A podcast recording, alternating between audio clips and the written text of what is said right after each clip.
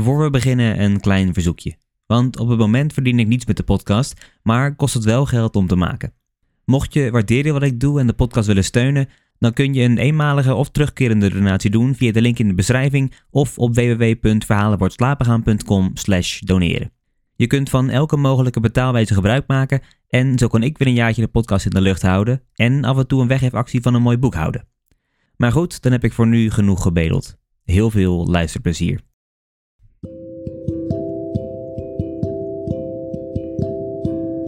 Hallo allemaal en welkom. Mijn naam is Mike en in deze aflevering lees ik voor uit de zeven verhalen over het eenzame leven van Steven. Dit is Verhalen voor het slapen gaan.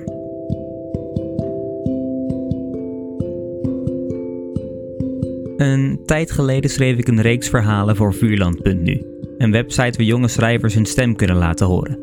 In aflevering 80 gaf ik al een korte introductie. Ik vertelde iets meer over de reeks en over Vuurland, dus als je daarin geïnteresseerd bent, raad ik je aan die aflevering ook nog eens te beluisteren. Eigenlijk komt het hierop neer. Ik heb een reeks van zeven verhalen geschreven over Steven. Het zijn zeven episodes over verschillende fases uit zijn leven, waarin hij keer op keer op een andere manier in aanraking komt met eenzaamheid. Tot nu toe hebben we zes verhalen gehad. Van een fantasiewereld in een zandbak tot een absurd uitje met de sectie Nederlands in de tuin van een collega. We hebben gelezen over zijn mislukte poging om toenadering te zoeken bij een docent. We hebben zijn favoriete barvrouw leren kennen. En we hebben gezien hoe hij brief heeft geschreven aan een verzonnen penvriend. In het vorige verhaal ging hij op pad om op zoek te gaan naar aansluiting bij de wereld, maar die hij niet kan vinden. In deze aflevering lees ik het zevende en allerlaatste verhaal voor, en het heet Nog heel even. Steven ligt op zijn sterfbed en denkt terug aan het leven dat hij heeft gehad. Er komen mensen op bezoek met wie hij herinneringen aan vroeger ophaalt. We zitten in dit verhaal echter in het hoofd van Steven, dus het is maar de vraag of we hem moeten geloven. Dit is nog heel even.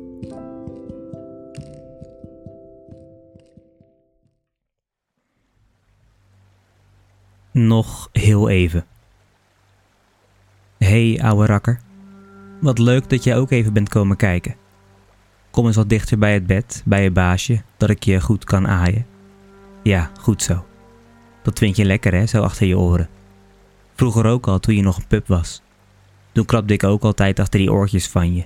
Waar ik je toen in had gebeten omdat iedereen tegen me zei dat je dat bij huskies moest doen. Dat doen huskies blijkbaar. Die bijten bij de geboorte in de oren van de pup. Dan weten ze wie de baas is. Maar jij weet wel wie het baasje is, hè, Spot, inmiddels? Heel goed. Ik ga je missen, jongen. Maar maak je vooral geen zorgen. Er gaat goed voor je gezorgd worden als ik weg ben. Dat heeft je baasje tot in de puntjes uitgewerkt, wees gerust. Die laat zijn oude rakker echt niet zomaar in de steek, hè, Spot? Niet na alles wat je voor mij hebt gedaan. Na al die keren dat je me meenam naar buiten om door het park te struinen, dat je bij me op schoot kwam zitten om met me te kroelen. Ik ben je eeuwig dankbaar, lief dier, als je dat maar weet. Ik hou van jou. We hebben een geweldige tijd gehad, hè, samen. Nooit een wolkje aan de zon. Hé hey joh, wat zit je nou aan mijn vingers te likken? Gekkie. Je maakt er weer een smeerboel van. Je hebt zeker honger, is dat het? Ga nu maar. Er staat een bakje brokjes in de hoek. Dan praat ik even met de rest. Goh, wat een drukte om het bed. En dat allemaal voor mij. Snap jij dat nou, Bart? Al die mensen voor mij? Nee, ik ook niet. Ha, wat ben je ook eigenlijk een eikel, hè? Jij. Altijd grapjes maken, mij voor schut zetten. Alleen God weet waarom wij vrienden zijn.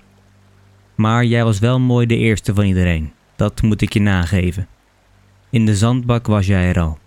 Jij liet me zien hoe ik de mooiste torens kon maken, die ook nog eens overeind bleven staan. We speelden Mario Kart op onze Nintendo's en relden Pokémons met elkaar. Tjonge, om te bedenken dat vroeger de levels van onze Charizards onze grootste zorgen waren. En wie er als eerste bij de eindbaas zou komen. Dat veranderde wel op de middelbare, hè? Toen maakten we ons ineens druk om meisjes en wie van ons er het eerste gekozen werd als de teams werden gemaakt bij de gymles. Weet je nog, die keer dat je je uitsloofde door op de tafel te dansen toen mevrouw Jansen weg was? En dat ze toen ineens in de deuropening stond en jouw kop zo rood als een tomaat werd. God, wat hebben we gelachen toen. Dat waren tijden. De koningen van de school, jij en ik. Niemand deed ons wat. Op onze wenken bediend werden we. Dat moet misschien toch wel de mooiste tijd uit mijn leven zijn geweest. En dat zegt wat. Toen gingen we ook nog eens studeren in dezelfde stad. Het tweekoppige front. Wij tegen de rest van de wereld. Lallend van feest naar feest om uiteindelijk toch altijd weer uit te komen bij Tante Sil. Ach, kijk nou wie daar is. Speak of the devil. Daar ben ik echt even stil van. Wat lief dat je bent gekomen, Sil. Jemig, nu moet ik toch bijna een traantje wegpinken. Nog steeds prima ter been, zie ik. Dat was even schrikken, hè, toen ze zeiden dat je kanker had. Ja, maar jij hebt ze een poepie laten ruiken, die dokters. Tante Sil krijg je niet 1, 2, 3 kapot. En toen waren de rollen ineens omgedraaid. Lig ik hier langzaam te vergaan. Het is fijn dat je er bent. Trouwens, dat je het even weet, ik heb al je adviezen opgevolgd. Ik ben nooit voor het geld gegaan, altijd voor de liefde. Ik ben blijven lachen en als het regende was ik degene die buiten stond te dansen. Volgens mij ben ik niet veranderd, alleen van buiten, en is Steven Steven gebleven. Kijk maar, het klokje zit nog op mijn pols. Kwart voor vijf, toch, Sil? Ik krijg meteen trek in een bitterbal. Als hij nog warm is, tenminste. Ha.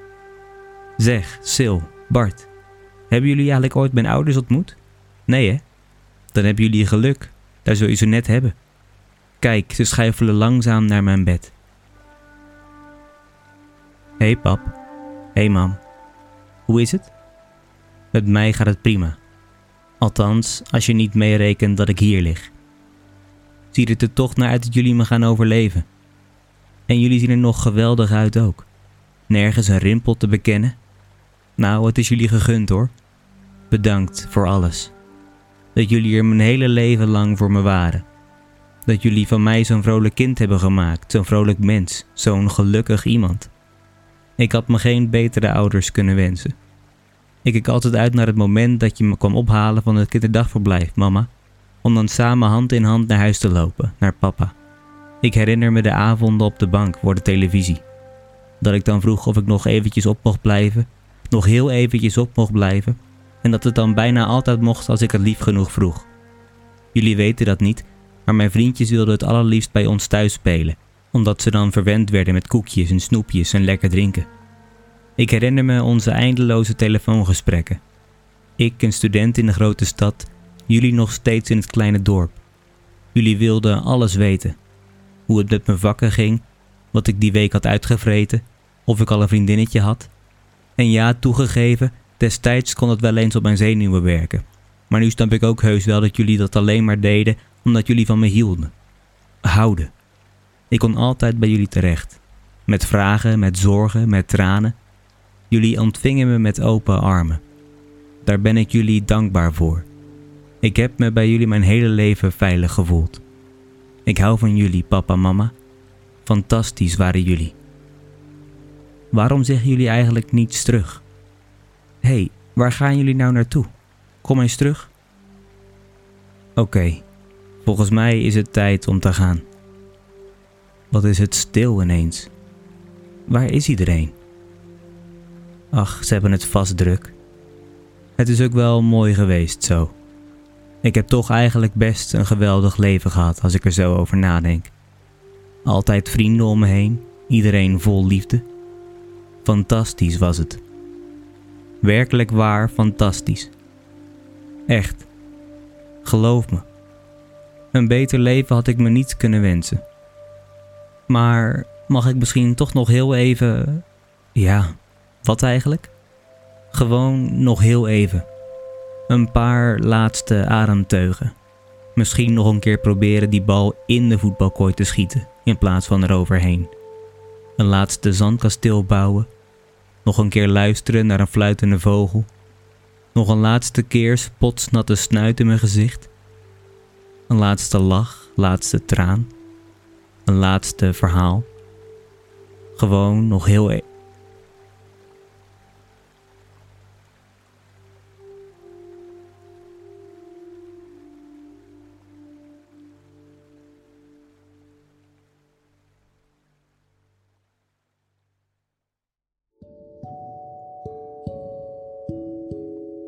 Dat was nog heel even.